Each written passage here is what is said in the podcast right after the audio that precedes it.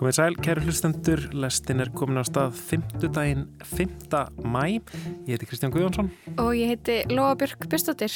Umfjöldunaröfni lestarinnar í dag eru pappakjólar, málari í kirkjugarði og upphaf menningarstríðs. Já, í vikunni bárast þær fréttir að hæstiréttu bandaríkjana íhugaði nú að draga á rétti hverna til þungunarofs í landinu þegar vinnu skjál frá einum hæstarétta dómaralag til fjölmiðla. Fóstureyðingar hafa lengi verið átakamál í bandarísku samfélagi og í lestin í dag ætlum við að reykja eina mögulega upprunasögu þeirra átaka. Kanski er það 19 ára strákur og heimildamindum listheimsbyggi sem eru ástæðan fyrir þessum átökum. I marched upstairs and said to him, you know, we have to do this second series. And I started actually ranting at him, saying, you know, if you don't do this series, that makes you like an abortionist. You have to speak out. Hönnunamars er gengin í garð og síningarými að opna út um allan bæ en það eru líka einhverjur á loka metrónum í undirbúningi. Helga Björnsson, fatahönnur og listakonna er ein af þeim og hún er að búa til pappakjóla og pappaskarkribi. Við vorum rosalega lengi að finna út úr bara fyrsta kjólunum. Hvernig við uh, tók svolítið stífan pappa og allavega. En það, svo bara er það gaman að leifa pappanum svolítið að ráða. Mm -hmm þannig að það enda með því maður segir bara, úf, ok, gerð þú það sem þú vilt gera hérna á líkamannum Við kíkjum líka niður í Hólavallagarð í Vesturbæri Reykjavíkur og hittum þar listmálara sem hefur undarfarnamániði málað myndir af kirkjugarðinum og fólkinu sem þar kvílir. Ég stemdi ekki nefnum sambandi við þessa menn sko, en, en hérna, nema ég veit að Pétur Pétursson var bara ríkast um þar á landinu á þeim tíma og það sérst svolítið á legsteininu sko, hérna. Uh, Einmitt, og með, með þetta grindverk sko í kringum það er alltaf flott. Já, já, okkur, ég er endur ekkert með rífin á þessum grindverkum. En við ætlum að byrja á nýjustu fréttum frá bandaríkjónum það er alltaf verið að brjála það loa, er það ekki? Jú, það kom svolítið skýrt fram í týrsti frá Chelsea Manning sem að hún bendi fólki á að, að vopna sig, það getur verið komin tíminn til að kaupa sér bissu, þá hugsa ég svona, ok hlutir er að gerast. Já, hlutir er að gerast. Einmitt, hérna á þriðu dag þá semst bárst það fréttir að hæstiréttur bandaríkjana væri að íhuga núna að draga úr rétti hverna til þungunarofs í landinu. Það er sem sagt lagarna vinnuskjál um, til fjölmiðla. Fyrsta skipti sem að vinnuskjál úr hæstarétti er leikið til fjölmiðla, bara held ég í sögu bandaríkjana. Um, þar sem að einn hæstaréttudómarinn er semst að fjallum þennan sögulega dóm hérna frá 1973, Roe gegn Wade þar sem að var í rauninni dæmt að uh, fóstureyðingar væru stjórnarskráru varin réttur í öllum bandaríkjunum þannig að ríki bandaríkjana geta ekki sett neyn svona lög sem, a, sem að banna mm. fóstureyðingar og þetta er semst þá mögulega einhvern veginn að um, falla úr gildi í, á næstunni ef, mm. ef þetta vinnuskjall er rétt einhvern veginn. Einmitt, mann finnst svona áhugavert að þetta sé fyrsta skipti sem eitthvað svona lekur Já. og það sé akkurat þetta, þetta mál sem að, þú veist, einmitt klífur bandaríkinn, er það ekki svolítið? Jú, einmitt, og sko málið er þetta svo merkilegt að fósturæðingar hafa einmitt verið lengi svona eitt af þessum málum sem algjörlega kljúfa bandarísku þjóðuna við erum alltaf tölum svolítið mikið um þetta núna í dag þessar svona polariseringu, þetta hefur verið svona lengi svona eitt af þessum menningarstríðum og hérna þegar þessar frettir bárust núna á þriðdægin þá hérna var mér hugsað til útarsáttar, eða hláðarsáttar sem að ég hlustaði um daginn, þar sem að breski rítuundurinn og útarsmaðurinn John Ronson um, fjallar um svona, hvað veist það, uppbrunna sögur ímissa menningar átakaða, menningar stríða svona sögur af fólkinu sem lendi snemma í hringiðinni eða var jáfnvel svona sjálf kveikjan af uh, átökunum. Og þetta eru þá deilur um bannaðar bækur, um málfrelsi á internetinu, samsæriskenningar stöðu transkvenna í kvenreitindabaratunni og fyrsti þátturinn í þessari áttaþáttaröð eh, fjallar einmitt um fóstureyðingar. Einmitt, er þetta langt séðan þú hlustar á hann eða er þetta að koma út núna bara í tengslum við þessum, þetta mál? Eða? Þetta kom út í fyrra, okay. uh, 2021. I'm John Ronson, a writer living in America, the land where culture wars begin. And by culture wars, I mean almost everything that people yell at each other about on social media. Já, sem sagt allt sem að fólk rýfst um á internetinu. Um, en já, um, þessi saga sem að um, hann reykur, sko, flestir myndur líklega svona, uppruna saga þessara svona fóstur eyðingar átaka, flestir myndur líklega fara í ró gegn veit uh, og það dómsmál, en hann ákveður greinlega fara aðeins aðra leið og segir að mögulega með reykja þessi átök samtímans um fóstureyðingar til fyrsta kvikmyndaverkefnis 19 ára stráks með Hollywood drauma. Ok, hvaða 19 ára strákur getur haft svona mikil áhrif enn þann dag í dag? Já, þetta var sem sagt uh, maður sem heitir Frank Schaeffer, hann er bandaríkjamaður ólst upp í svona hálgerði, hálgerði sko, svona kristinni kommunu um, í svisnesku öllbónum Ok. hérna, sem fóreldrar hans voru með. Pappans uh, hétt Francis Schaeffer, hann var listfræðingur, svona listheimsbyggur eiginlega og svo svona bókstafstrúar prestur. Mjög svona hippalegur með sítt hár og, og hérna, hökutopp og, og flutti fyrirlestra þarna í Sviss bara jafn mikið um, um orði Jésu Krist og, og svo bara um texta Bob Dylan og eitthvað svona. Af hverju var svona mikið af kommunum og heipa, af hverju var svona mikið heipadóti í gangi? Þetta er ótrúlega. Já, einmitt, þannig einhvern veginn eru einhvern veginn þessi áhrif heiparhefingarinnar inn í einhvern veginn trúar mm -hmm. uh, hefinguna, kristnir hefinguna. En allavega, og, og svolítið merkilegt að hann laðaði einmitt að sér svolítið mikið af svona uh, frægu fólki með þessari svona trúarlegu greiningu sinni á menningunni hérna, Erik Clapton mætti þarna til hans mm. uh, í, í svisnesku alparna í þessar kommunu sem hétt uh, Labri eða Skjólið um, og svo sko þarna, já, á 8. áratögnum, einhvern veginn byrjun 8. áratögnum þá fer Francis, þessi prestur og, og hérna, listheinsbyngur að nýta sér kvikmyndamiðilinn til þess að koma þessum bóðskap sínum áleiðis og, og fekk mikið fjármægt að framleiða heimildathætti sem að héttu How should we then live? Hvernig ættu við þá að lifa? Og þetta er svona listasaga fyrir kristna áhörundur, farið bara gegnum alla uh, listasöguna frá uh, forn rómverjum til nútímanns í gegnum enduristnina mm. og þetta er mjög svona einhvern veginn í anda svona BBC sjónastata þar sem að einhver gáðaður maður hérna, ferðast um heiminn og, og er á listasafni í Flórens mm. eða, hérna, eða annar staðar og, og, og fer í gegnum menningasöguna en þannig er allt frá kristilegu sjónurhaldni Áhugavert. og mjög svona uppfullt af, af svona ádeilu á trúleysi heimsins. En, en mikil áraður líka er þetta svona kristin ef, ef er að predika eða eða meira svona? Já, það hefur verið, sko, hef bara verið að, að, að útskýra hvernig kristnir menn eða, eða sko, já um, jú, hvernig er það að skoða listir og, og hvað listirna segja okkur um, um þá kannski glötun sem að við erum einhvern veginn komin í hvernig humanismin hefur algjörlega tekið yfir og hefur leitt okkur á slæma staði mm -hmm. okay. um, og þessi þættir eru á YouTube ef, ef fólk vil sjá þá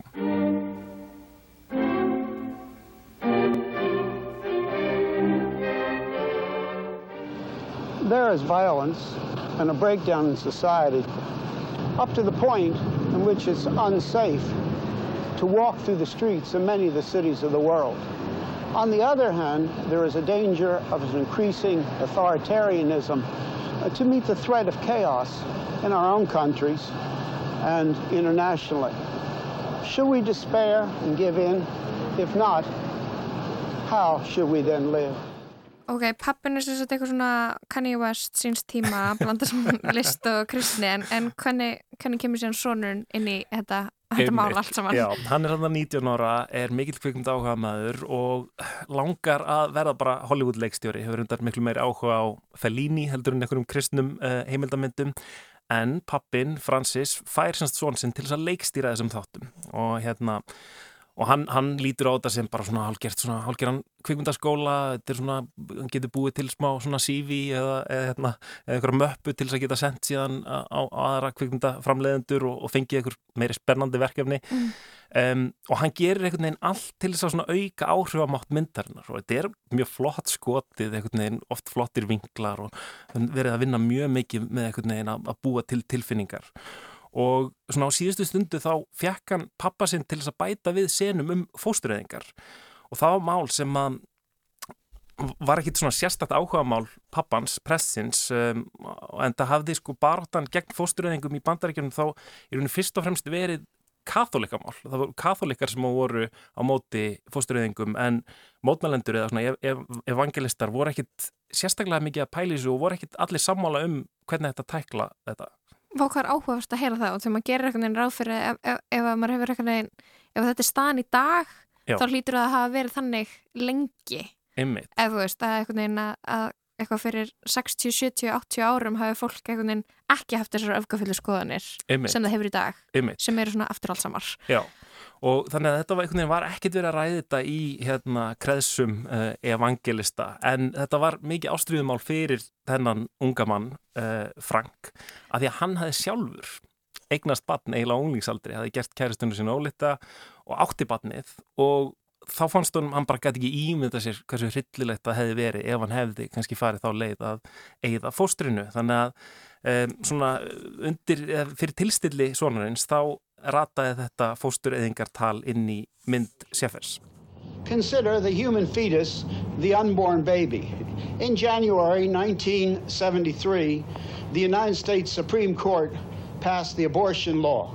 Professor Witherspoon of the University of Texas School of Law writes The court held that the unborn child is not a person within the meaning of the 14th Amendment, so as to strip all unborn children Þættinir sló í gegn og feðgarnir þeir ferðustu um bandaríkinn og voru að kynna myndina, voru með fyrirlestra raðir sem, að, sem voru á svona stórum hérna, evangelískum viðburðum bara á íþróttarleikungum, bara 20.000 manna mm. mættu mm. og bækur uh, Francis Schaeffer fóru bara að seljast í bílförmum og, og hérna, þannig að þeir voru einhvern veginn að verða stjörnur um, og svona kristinn sérlepp eh, og, og fór þá bara allir að mótmála fóstureyðingum út af því að þau sáu þessa mynd eftir 19. strák.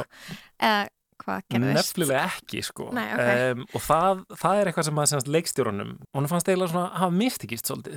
Af því hann ætlaði að gera þessar ótrúlega áhrifaríku senur um fóstureyðingar en þær vöktu einhvern veginn eiginlega ekkit um umtal. Það voru bara allir einhvern veginn að horfa á þessa þætti fannst þið frábærir en, en það var engin að pæla í fóstureyðinga hlutanum. Og hann fór eiginlega svona að líta á þetta sem eitthvað svona hálfgerð áskorun uh, og sannfæri pappa sinn um að gera aðra mynd Uh, og bara um þetta eina málefni. I marched upstairs and said to him, you know, we have to do this second series. And I started actually ranting at him, saying, you know, if you don't do this series, that makes you like an abortionist. You have to speak out. Og þá fóru þeir einhvern veginn alla leið og, og gerðu þetta alltaf einhvern veginn á mjög svona leikrann hátt. Þá var einhvern veginn lítil börn uh, vafrandi um hérna jörðina máluð eins og draugar og svo var einhver svona læknir sem stóð döiðahafið í Ísrael umkringdur eitthvað svona uh, þúsundum uh, dúka uh, þannig að það voru svona bara hérna, ungbarna dúkur allt í kringum hann eins og eitthvað svona líka börnum. Það fóru bara alla leið. We were going for plastic dolls on the Dead Sea all kinds of analogies uh, kids in cages, it's a piece of propaganda Vá, við erum í alveg ekki að búa til áróðursmyndir eins og við vorum að gera sko. er, þetta er ekki gert lengur. Einmitt, og, en, en Sefir hann, hann hérna, gengst alveg við þetta hafi bara verið einmitt áróðursmyndir. Um, en viðtökuna voru bara engar.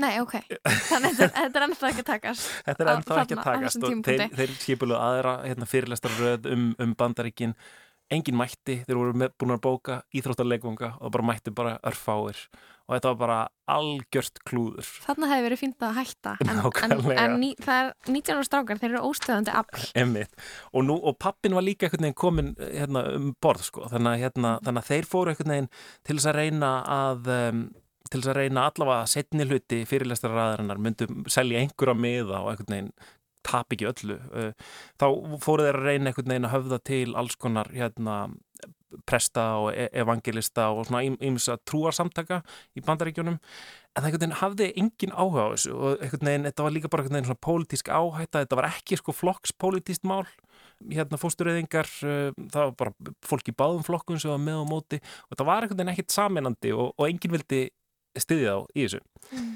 Er þessir mann bandarískir eða eru þeir svisneskir? Já, þeir eru bandarískir en sem sagt bara hérna byggu í Sviss. Já, eða, mér finnst það bara eitthvað svo svissneskur hlutur til að gera ákveða hafandi búið þar að ákveða að fara bara í eitthvað áráðsherfer gegn fórstureyðingum upp úr þurru. Já, Vá, ég hérna, þekki svisslendíka ekki náðu mikið til þess að geta sagt um það en hérna aðtilsverð. Það er alveg smá svona kristin og íhaldsum þjóð, sko. Já, einmitt, minna konur mátt ekki kjósa þangar til. Þangar til 90 eitthvað í senstu kantoninu, þannig að nei, þeir Þeir eru þar. Einmitt. En ok, næsta sem gerist og einhvern veginn lætur boltan virkilega loksins fara að rúla, það er uh, þegar fjölmilar fara að fjalla um þetta og fjölmilar almennt uh, í bandaríkjunum voru ekkert að sína einhvern veginn evangelíska, einhvern veginn trúarsamfélaginu mikla aðtegli þó að væri mitt verið að selja upp um, á, á svona viðbyrði, týjir þúsunda manna að koma saman, það var aldrei fjallað um þetta í mainstreams fjölmilum. Voru þeir álitnir svolítið svona bara svolítið lúðar eða það ekki, Jú. svona trúar lúðar trúar lúðar það, okay. hérna. en hérna New York Post skrifaði grein um þessa áróðusmynd um fóstureyðingar uh, náttúrulega bara þessar skrítnu sérfiskulugu mynd sem enginn ekki einu sinni trúaðir voru ekkert neginn að kaupa og í kjölfarið fóru fleiri og fleiri fjölmilar að fjalla um þessa mynd og þetta var auðvitað bara guðskjöf fyrir hérna seffer feðgana og hérna það sem gerist er að þá byrja samtök feminista og baróttu fólks fyrir rétti kvenna til þungunarórs þau fóru að mæta fyrir utan uh, íþróttahallinnar þar sem að viðbörðunir átt að eiga sér stað uh, þessi fyrirlestraröð um, sem enginn ætlaði að mæta á. Og þetta rætaði fjölmjöla að þau var að mótmæla með skildi og, og, og hróp. Og það vakti síðan aðtegli þá bara svona hins almenna e evangelíska bandaríkja manns að því að feministar voru almennt svona litnir hortnöga bara allt sem þeir stóðu fyrir var hérna álitið slæmt, ekkit út af fórstureyðingum. Og byrju þannig að ef að feministar eru á móti ykkur, þá langar öðrum að vera með því. Já. Vá, þetta er einhvern veginn á ennþá við. Já, þannig að þetta var svona einhvern veginn átaka vettvangur og hérna og í rauninni bara byrjaði fólk að flikjast á þessa fyrirlestra til þess að einhvern veginn að taka þátt í einhverju svona menningastriði nánast. National Organization of Women, Planned Parenthood, etc., would picket each of our venues, and every time they did, it would make the local news. One of the unifying issues of the movement. And every time it made the local news, the next night a ton of evangelicals would show up to support us against these raging feminists who they already regarded as the enemy, not because of abortion, but because of everything from bra burning to saying that women should have careers and the whole rest.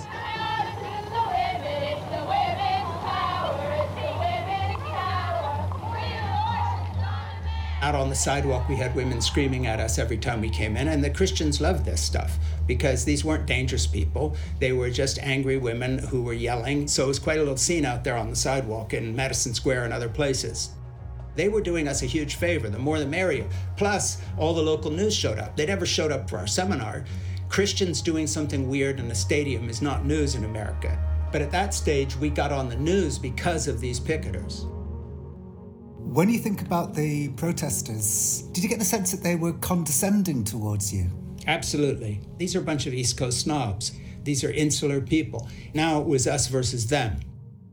En pyrrandi að við þetta eftir á, en, en gerðsynlega óþúlandi. En þetta getur ekki verið eina ástæðan, eitthvað svona ein bíómynd og þetta, eða þú veist, veistu hvað ég við? Einmitt, þetta er svona, uh, já, það er líka ótrúlegt að hugsa til þess að hérna er eitthvað neins stærsta baratumál bandarinskra kvenna mm -hmm. í mhm. dag og það er eitthvað svona, já, kemur ljós ef þið hefðu bara hunsaðan gaur þá væri þetta ekki vandamál Einmitt, en allavega hann, hann vil meina að þarna hafi þetta orðið svona einhvern veginn gildislega og mikilvægt uh, fyrir þennan svona kristna hluta bandarísku þjóðarinnar mm -hmm. Kans, kannski er hann bara að gera svolítið mikið úr sínu hlutverki, ég veit það ekki en, en þarna fór einhvern veginn um, að sko hlutinir að, að verða alvarlegur og alvarlegur, ég meina fólk fór að mótmæla fyrir utan þessar um, læknastofur þar sem að fóstureyðingar uh, voru stundar eða framkvæmdar og bara með skildi með myndum og döðum börnum og það endaði alveg sko í ofbeldi líka, það, það sprengju árásir og, og jáfnvel morð á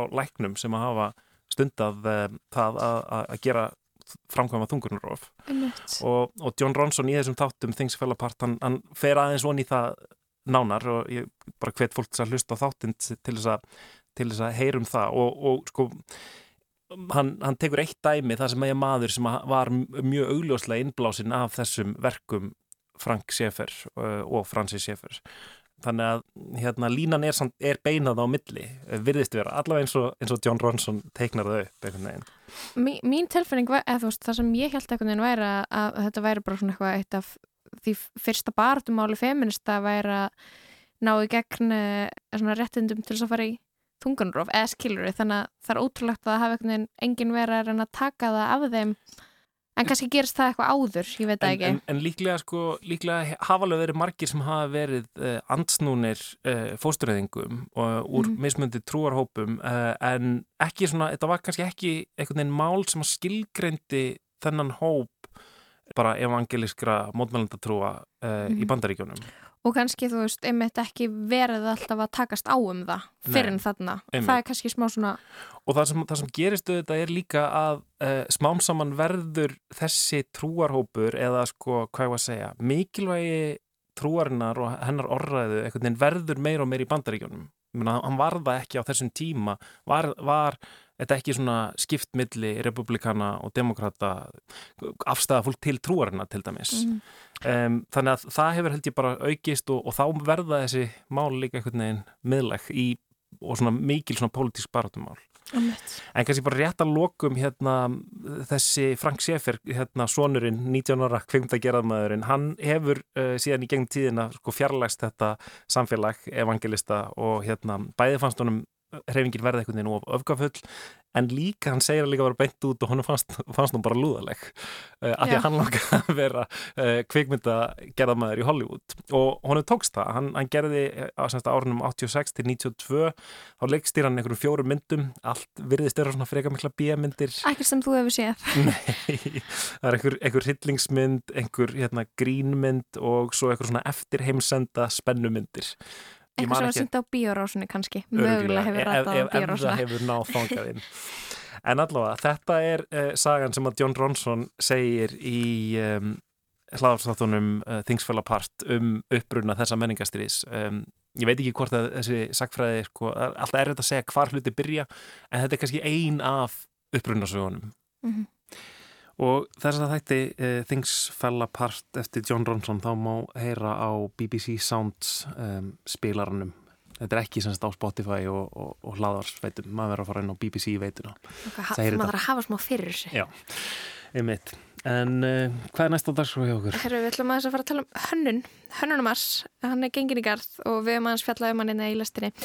En uh, það er sem sagt bara nóg að gerast út um allan bæ og það eru ennþá einhverjur á lokametrunum að undirbúa síningar og Helga Björnsson, fatahönnur og listakona er ein af þeim hún er með síningu á lögadaginn í Safnahúsinu klukkan 6 og hún er alveg að vera tilbúin. Uh, ég kíkti á vinnustofuna í kjallara máls og menningar á lögaveginum og ég fekk að slíta hana frá pappanum og skærunum í nokkra mínútur og spjalla við hana um síninguna.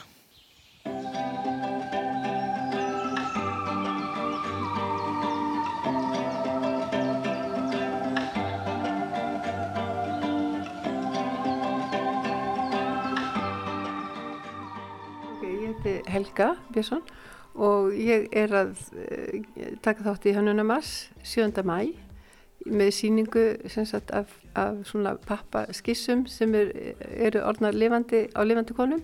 Og hvað myndur þú segja að þú værir nálægt í að vera tilbúin fyrir síningu? Maður er aldrei tilbúin. Er, en þetta er nú alveg, þetta er að klappa. Það sést og að lítið þetta er yfirlt í gólfinu saman brotið. Þannig það er eiginlega ekki þetta að sjá neina kjóla ennþá.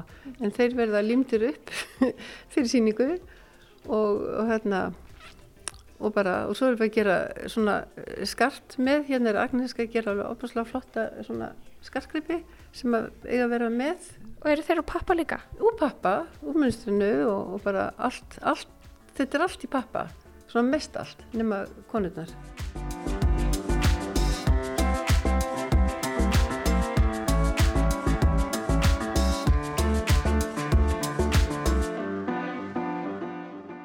Að taka á móti mér í eh, vikunni, í hönnumarsvikunni. Hún er brjálega að gera allt á lokametrunum. Ég sé að það er mikið í gangi hérna á, á vinnustofuninni. Hvað ertu að undirbúa hér? Ég er að undirbúa hérna einhverja svona brjála, brjála hluti sem satt í, af kjólum og dóti úr pappa. Ok. Því að, uh, já, mér bara dætt þetta í hug að, að uh, í staðan fyrir að ég var ekki með neinn sérstök föt til að sína og svona og mér fannst þetta svolítið skemmtilegt bara að leika mér. Leika mér með pappa og mér skaman að því þetta er svona eins og skissur sem ég geri og það eru bara í stóru og á, á lifandi manneskum. Já, þú ert að, að taka þátt í hennumars og með síningunum 7. mæ 7. mæ, og í safnahúsinu og þannig að það sem þú verður að sína þar, það eru þessir pappakjólar. Pappakjólar og nokkrir líka sko venjulegir þarna, sem hægt er að gangi í. Og þetta verða á manneskjum. Hvað, um, máttu eitthvað segja hvernig þetta verður? Já, ég veist að það sé nú allt í lagi, þetta verður á, á mótilum sko, eða, eða ekki endilega bara mótilum, bara á konum, á svona, þú veist, á öllum aldrum, aldri, fyrir ekki og bara svona mismundi konum, flottum. Og bara, og þetta verður í safnahúsinu og já, og þetta, já, þetta er gjörningur, þetta er sko ekki tískusýning, þetta er gjörningur. Og en bara svona þvist með alls konar. Og þetta er svona meiri leikur og, og, og það eru dansara líka. Og svo erum við með tónlist og við ætlum bara að hafa það svolítið skemmtilegt. Uh, hvernig gekk að finna út úr því sko, hvernig þú lætur pappan vinna með þér á, á hvern manns líka maður, það er ekki búið að vera neitt vissan? Það er rosalegt vissin. það er búið að vera mikið puð af því að bæ, það er búið að vera mjög mikið puð sko. Þannig að þarna, hann náttúrulega haga sér ekkert eins og maður er búin að ákveða hann eigi að haga sér. Mm -hmm. Þannig að maður þarf svolítið að fylgja honum og, og bara og gera það sem er, sem er hægt. Og svo maður festa með alls konar rennilásum, svona fransku rennilásum og teip og bara næstu hefta á konurnar. Mm -hmm.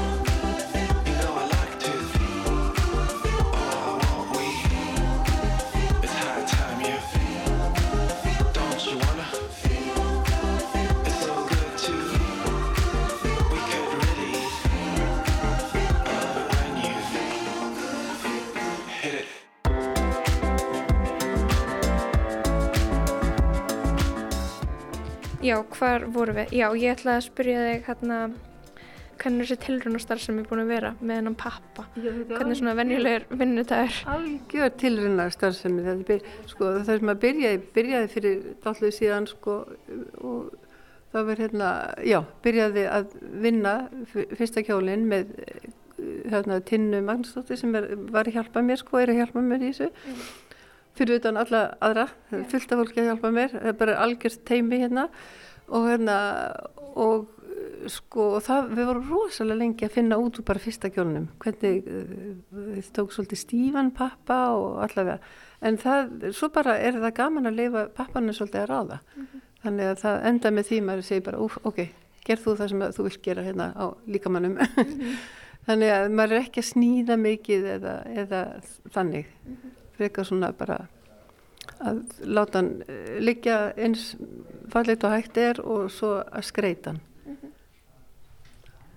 Já, svo hérna, já, svo, já, svo ertu með líka kjóla Líka með kjóla, svona í allt í svona svipuðu sko, svipari stemningu Þannig að maður langar að vita meira um þessa hugmynd um, hvernig kom þetta til að fórst að vinna með, með pappan? Það er bara, ég vil oft oft svona flörta við pappa sko, ég elska pappir og ég því teikna mikið á, svona skissa mikið á pappir og ég vil helst hafa svona bara svona eins og súlu af pappir, miklum pappir til þess að teikna, það er mér svo gaman og svo hendi ég og, og svona. Og svo finnst mér svo gaman að meðhendla pappir og ég hef gert svolítið áður að því svona fyrta við það í þrývít og bara svona leikið mér. En aldrei, aldrei þarna dótti í huga að hafa heila síningu mm -hmm.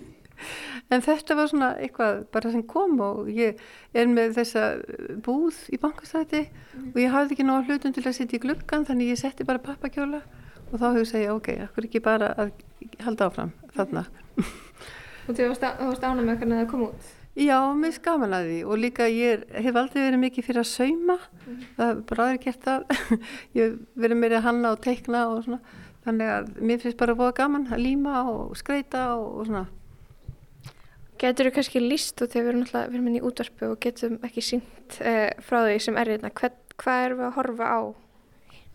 Við erum að horfa á sko hérna allir mis pappir sem, er, sem var prentar, það er prent með otti sem hefur verið að styrkja okkur með pappirinn mm -hmm.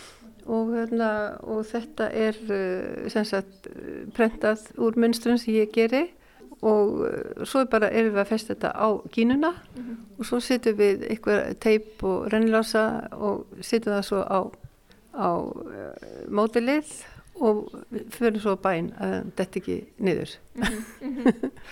og þetta er svona, þetta er svona geo, mjög geometrist, er það ekki? Jú, þetta er svona jú. mikið sem þú ætti að vinna með jú. en hvernig, hvað orð notar það til að lýsa þessu stílniðinum? Ég myndi segja eiginlega þarna, það sem ég hef verið að gera því ég lít yfir, þá finnst mér þetta að vera lakrís hérna, lakrískonfekt mm -hmm. inspirasjón kemur og maður bara gerir þetta og svo alltaf rosa mikið munnstum sem ég er með og það er alltaf sko minn valkvíði að hvað ég á að velja mm -hmm. og ég fæ of, mjög oft hjálp við það svona bara þetta mm -hmm. að ég er alltaf með svo margar, eh, margar möguleika en svo er búið gaman að þegar þetta fyrir að vera til þá allt í henni fatt að já, það er bara ok, þetta var allt til að gera þetta svona núna, svo kemur sko annan næst. En Þú ert kannski ekki óvunn því að vera í stressi og vera að klára eitthvað fyrir síningu. Já, það er eiginlega allt mitt líf næstu því. Já. Þá sem ég byrjaði að vinna hérna mjög ung, það var alltaf verið þetta tvisar ári, en núna er bara eitt skipti, en þá var það alltaf sama stressið og alltaf sama hvað maður hefur langan tíma og ætlar að byrja og vera búin að gera alls konar hluti lungu, lungu áður þá endar það alltaf með að maður er hérna með eitthvað erminna sem vantar á eitthvað á síðustu stundu næstu eftir þarna. Mm -hmm. já, þegar frumsýningin er þá bara byrjuð það vantar erminna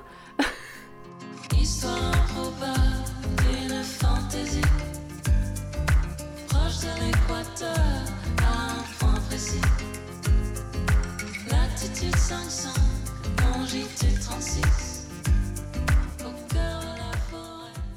Þú fluttist til Parísar frekar ung og, og hvað varst að gera? Ég, ég, var, ég var bara að uh, fyrsta læra, læra fransku, fór á listaskóla. Ég var sko fyrir með fóröldrum mínum, fjölskyldu. Hvað varst þú komið? Þá var ég, uh, ég var 18 ára Mhm. þegar ég flyttið ángað. Og þá var maður svona fyrst að koma sér inn í með því að fara í fransku tíma og, og eitthvað. Og svo, svo mjög fljótlega, já, svo fór ég hann að lista skóla og fljótlega bara einhvern veginn að tilvílum fekk ég vinnu hjá, hjá þessu fyrirtæki Louis Ferro sem var að leita stílista og ég bara einhvern veginn datt inn í það alveg að tilvílun og svo bara einhvern veginn vissi ég ekki þá að það, ég myndi bara vera þar forever, næstu því. Og hvernig var það?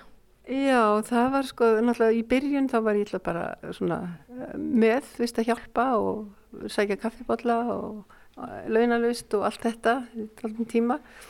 Svo bara einhvern veginn smátt og smátt komst ég inn í það og fór að, þú veist, fór að taka þátt og fór að teikna alltaf svolítið mikið. Og svo bara smátt og smátt, þú veist, með tímanum þá fór ég alltaf að gera meir og meir og, og, og svo bara, þú veist, svo bara var þetta mitt starf. Í rauninni, alltaf tvisar ári og þarna síning og stress. Hanna fyrir tískusýningar. Já, hanna fyrir tískusýningar. Þetta er bara svona eitthvað sem að núna finnst mér, eftir ég hætti það svona fæjusundum tilfinningu, að er þetta ekki óþægilegt, það er ekkert að gerast, eða, ekki stress, já. En svo hef ég mikil unni líka fyrir leikus og það er eiginlega alveg að sama. Já. Það er sama svona kikki sem að fær út úr því að vera í stressi og, og þá einhvern veginn kom allar hugmyndirnar einhvern veginn svona púslast saman. Svo ótrúlega fljótt í lokin. Þegar maður lengi hugsa um þar áður, þetta, ég held að þetta sé svona í öllu lengi að pæla og hefur tíma til að hugsa og svo allt er kemur tímapressa og þá bara pff, það er alltaf ganga upp. Þetta er alltaf einhvern veginn í manni þannig að það kom alltaf einhver fött í hugan, ég bara ræði ekki við það. Þetta er bara svona fast, þetta er orðið innbyggt. Þannig að það er rosa gaman að gera á þennan hátt bara mjög gaman, allt öðruvísi.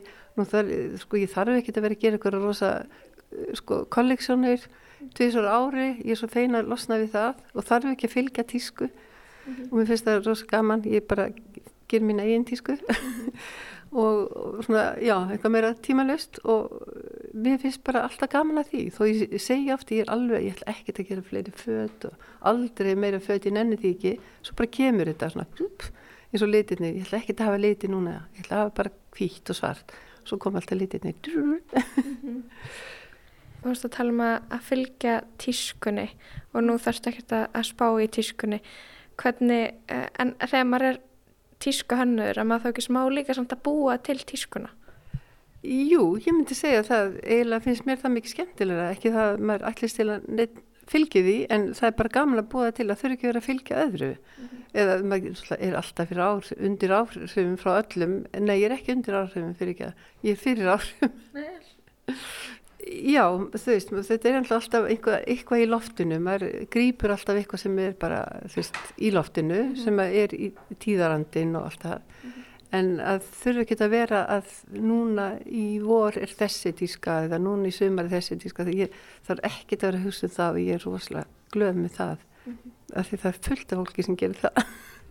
og þú fyrir að vera frjáls og, og búa til pappakjólana og hafa gaman. Það er nefnilega frelsi, það er frelsi í því, rosalegt frelsi og mér finnst ekki að lift mér það núna eftir allan að tíma. Mér finnst ég eiga það inni. Já. Já.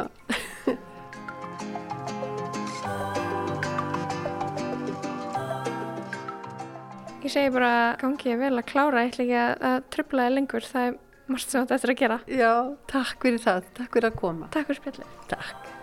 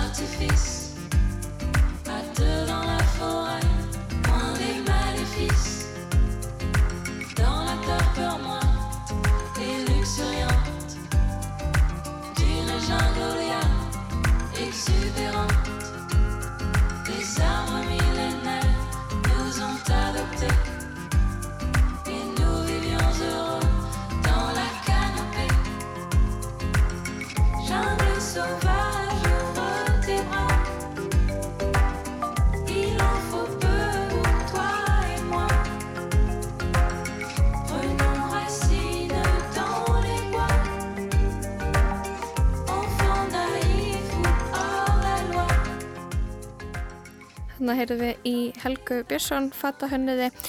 Uh, hún bjó stærsta hluta æfunar í París uh, og vann fyrir fatahönnun Louis Ferrou. Þannig ég spilaði smá Polo and Pan. Það er frönsk hljómsveit. Ah, Aha, og í miklu uppáhaldi á Helgu. En sýningin hennar er á lögadaginn í safnahúsinu klukkan 6 en þetta vist meira eins og gjörningur og partí heldur en tískusýning og það er bara matur og drikkur í stíl við fötin og ég veit ekki hvað hvað. Já, spennandi. En uh, við ætlum að halda aftur út úr húsi um, niður í Vesturbæ Reykjavíkur. Ég röldi þar um í gær í góðaverinu og rakst á góðan mann.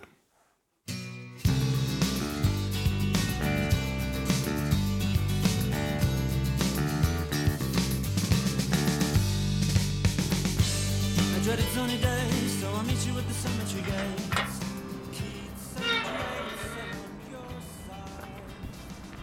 Það er sól í lofti, fuglarnir syngja, vorið komið, kannski bara styrta því sumarið jafnvel. Ég er stattur í Hólavallagarði, gamla kirkjugarðinum hérna á hotni Suðugötu og Ringbröðar. Trén eru farin að grænka. Já, ég hugsa að ég reykist nú ekki á neina drauga á þessum tíma sólaringsins hérna í kirkjugarðinum þessum tíma ársins. Skín svo mikil sól bjart, allt grænt að verða grænt. En uh, þarna er hins vegar maður sem að lítur svolítið út eins og hann gæti verið frá árinu 1900 eða eitthvað. Hann er í háum sokkum og svona einhverjum tvítklænaði með um, einhvern sixpensara eða kasketti.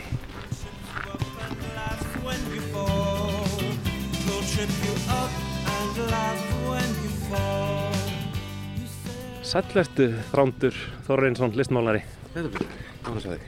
Semilegis, hvað segirðu? Bara fríðilegt, fríðilegt. Það er ekki að hægt á svona dýrða degi. Ymmi, þú ert bara stattur hérna í Hólavallagarði Já, já, já. Ertu oft hérna? Ég kem svolítið mikið hérna, já. Ég bý hérna í göttinni, sko, hérna ljósaldagöttu. Þannig að ég horfi nú bara yfir garðin Já. heima frá mér, sko. Kemur hérna í göngutúra eða eitthvað? Já, kem hérna bara til þess að sofa með innblástur og, Já. og svona, já. Já, já, e, það er mjög þægilegt að bara geta skotist hérna Já. yfir. Ég sé stundum að Ragnar Kjartansson hlaupa hérna í garðinum Ert, ert þú í því líka? Ekki hér í garðinu svo mikið, nei, ég, hérna, ég reyndar hleypi í annan kirkjugarði, ég hleypi oft í, í Fossvarskirkjugarðinu, hérna, Ok, einmitt. eða svona hleyp þangað og tilbaka, já. mikið. Við eitthvað að rölda um garðinn og, og spjalla? Já, endilega, endilega. Hérna, Kannski ekki að byrja viðtalið svona skarft. já, nei, það er bara flott. Er. Herðu, hérna, sækistu í kirkjugarða, svona almennt? Já, það hefur einhvern veginn atvikast henni, sko. Ég hef gætna búið við liðin á kirkjugörðum, sko. Hérna, bjó lengi vel hérna á, í Kaupmannöfn á, á svona í- Íslendinga nýlendur sem heitir Sólbakkin, það er svona stóðningarðar þar og það var kirkjugarði þar beint á móti. Þannig að það var svona, síðan er, dóttir mín að koma þaðan hérna beint úr einum kirkjugarði í annan, sko, hérna. En, en já, nei, ég, ég sækist að kirkjugörðum, sko, maður, eins og maður fætti útlanda og París og svona, þá gerir maður sér svona pílagrisverðir í kirkjugarðana þar. Einmitt. Það það var gaman. Ert, þú ert ekki einn af þeim sem að upplifir svona einhvern veginn ónóta tilfinningu í, í kringum öll þessi leiði? Nei, nei, alls ekki, sko, nei, nei, nei. Eh, mér finnst það bara voða notalegt að vera innan um þessi liði, sko, sérstaklega hér, þetta, þetta er svona, þetta er allt svo, hérna, mosa gróið einhvern veginn og, og hérna, og fallegt, sko. Einmitt. Ertu, ertu trúaður á framhaldslíf eða hvað? Nei, ég get nú ekki sagt það, nei, nei, ég, hérna, ekki nema bara svona, hérna, í, í minningum annara, sko, hérna. Einmitt, einmitt. Herðu, hérna, þú hefur svolítið verið að, já, mála Hólavallagarð, eða ekki, undarfarið?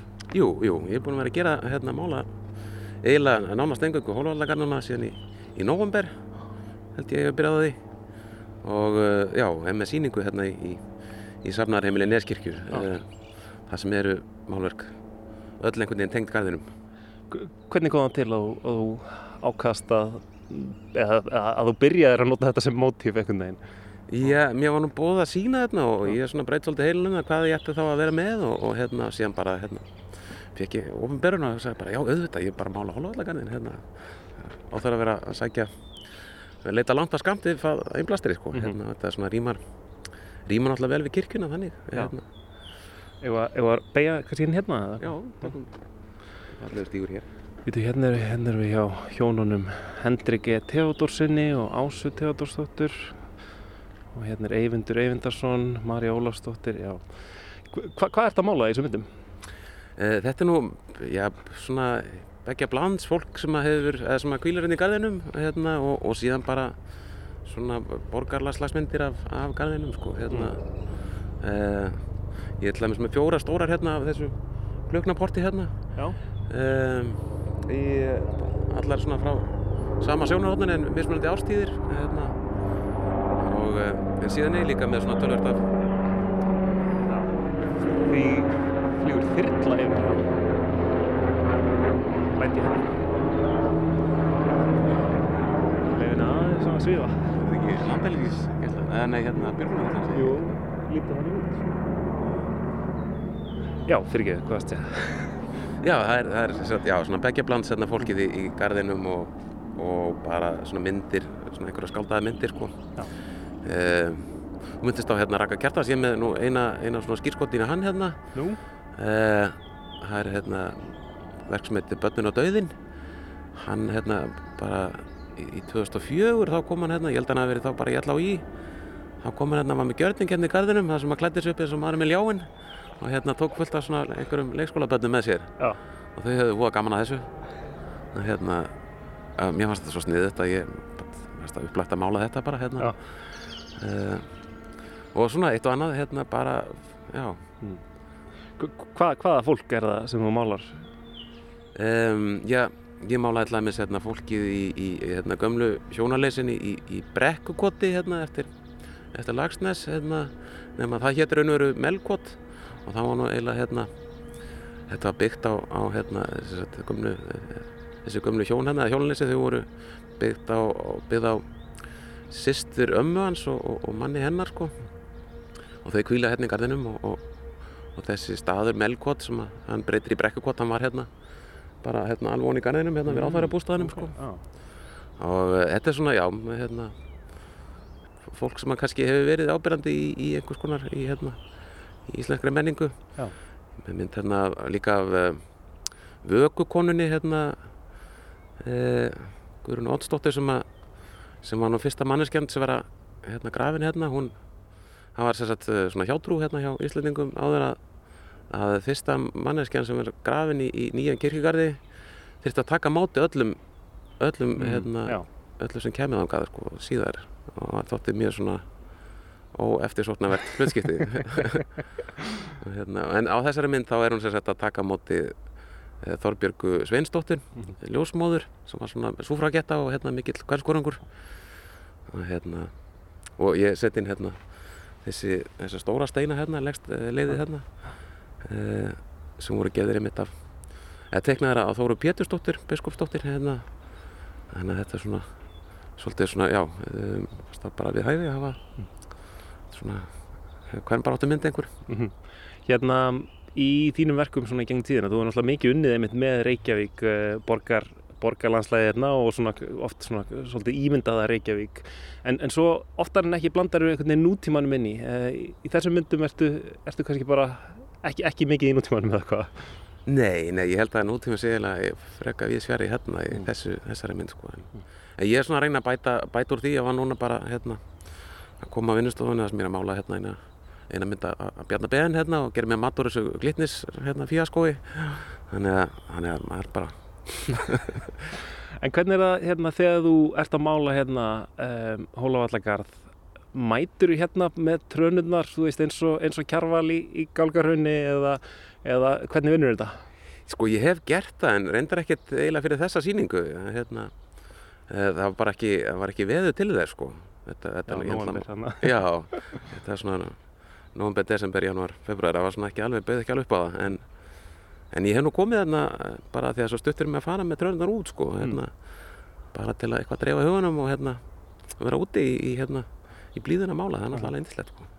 Þetta er náttúrulega, ég geti ímyndað mér að þetta sé skemmtilegt að vinna með það þetta er náttúrulega sko það er ekkert margir staðir í Reykjavík sem er svona einhvern veginn svona gamall gróður einmitt svona mosagróið og einhvern veginn, mér finnst oft einhvern veginn byrstan hérna að vera ótrúlega skemmtilega því að hún einhvern veginn fer í gegnum trén og, og hérna, ég geti ímyndað mér að, að fyrir málara sé svolítið gaman að reyna að ná þessari stemningu einhvern veginn. Já, já, akkurat, ég hérna þú er sérstakt að mála svona mikið sko, ég held ég aldrei að mála svona mikið mosa allar með sáðu sko, hérna, þetta er náttúrulega allt þakið mér að minna mosa hérna sko og, hérna, en já, líka bara það hérna, þegar maður málar svona þessar Reykjavíku myndir þá náttúrulega er ekkert mikið um eins og svona, svona einhver stór og hérna, veglega tré eins og maður hefur í útlandu sko, en það er svolítið þannig hér sko, hérna, þau hafa fengið að vaksa hérna svolítið lengi sko. Og, og síðan náttúrulega líka logn hérna alltaf þannig að Einmitt. það er mjög þægilegt. Uh, en já, það er bara líka hérna, gaman að breyta þess til sko, vera ekki alltaf að gera sumu myndina hérna, og, hérna Mm. þetta er svona borgarlandslega í og með en samt svona aðeins, aðeins nýtt við mér Er, er einhverjir hérna einhverjir steinar sem að eru hérna í uppáhaldi hjá þér? Er eitthvað, eitthvað sem við ættum að kíkja á eða hvað? Já, við getum kíkt á þessar sem ég myndist á hana, Mhm. þessar stóru, þeir eru nú fallegir. Við geggjaði dagur núna þar. Já, já, þetta er bara lítið Það var skrítið að mála, eins og hérna, var að mála myndir af eins og vorinu hérna í garðinu, sko, tók svona forskot á það, núna Já. er að grænka, sko, hérna. ég hefði vilja vera að mála það núna, bara úti, sko. En er það þá svona, þú veist, þa- þarftu þá bara ímyndaði, ímyndaði það? Hvar fyrir við? Já, kannski bara hér. Já, ég bara svona verða að mála það einhvern veginn aðeins upp úr mér, sko, Já. hérna, já. En þú notar ekkert einhvern veginn svona, notar ekki ljósmyndir eða eitthvað svoleiðis? Jú, jú, ég stiðst alveg ljósmyndir líka, sko, ég, hérna, reyna að skoða er hvernig, Hérna næst, nei, hérna. já, þetta er, þetta er svolítið snúið. Já. Ég vanur að koma inn í snjó, sko, þá getur maður bara gengið hvað sem er. hvað sem er, sko. Já, hérna stöndum við semst uh, fyrir fram að þessa tvo stóru steina, þeir eru einhvern veginn gnæfa hérna einhvern veginn yfir. Þannig eru Jón Magnússon fórsetisræðara um, sem að lést 1926 og Pétur Pétursson, biskup yfir Íslandi, látin, hvað er það, 1861? Eitthvað svo leis. Eitthvað svona. Ég stemdi ekki í neinu sambandi við þessa menn, sko, en, en hérna, nema ég veit að Pétur Pétursson var bara ríkasti maður á landinu á þeim tíma og það svona sérst svolítið á legsteininu, sko. Já. Uh, Einmitt, og með, með þetta grindverk sko í kringum, það er alltaf flott. Eða. Já, já, akkurat, ég er endur ekkert með rífin á þessum grindverkum, ég veist að hérna, þetta er svona, ég veit það ekki, en uh, mér finnst nú eiginlega hitt falleri, sko, þegar það er, þetta bara opið. Einmitt, já, spurning hvaðan þessi grindverk koma, þetta er einhvern veginn svona, það má engin, engin stíga á mér, hérna. Já, já, akkurat. Mitt svæði. Já, Já, en sem sagt, sýningin opnar formlega á sunnudag um, eftir messu um, í Neskirkju Þrándur Þorrensson listmálari. Gaman að reyka staðið hérna í Hólúvarlækari fyrir algjöru tilvílun. Já, já, sem leiðis.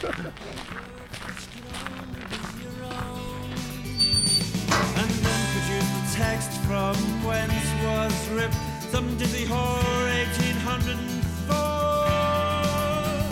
A dreaded sunny day, so let's go where we're happy and then meet you at the cemetery gate. So Keats and Yeats are on your side. A dreaded sunny day, so let's go where we're wanted and I meet you at the cemetery gates.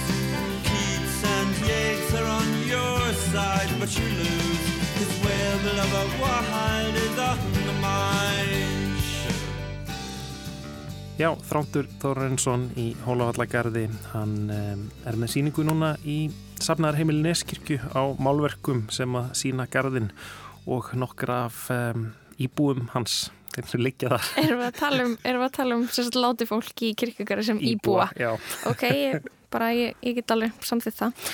Já, eh, við erum komin að leiðalokum í lestinni í dag og þessa vikuna. Við erum hérna aftur á sama tíma á mánudag, laust eftir klukkan 5. Ég heiti Kristján Guðvarsson. Ég heiti Lóa Björk Björnstóttir og tæknumæður var Lítja Gretastóttir. Verðið sæl.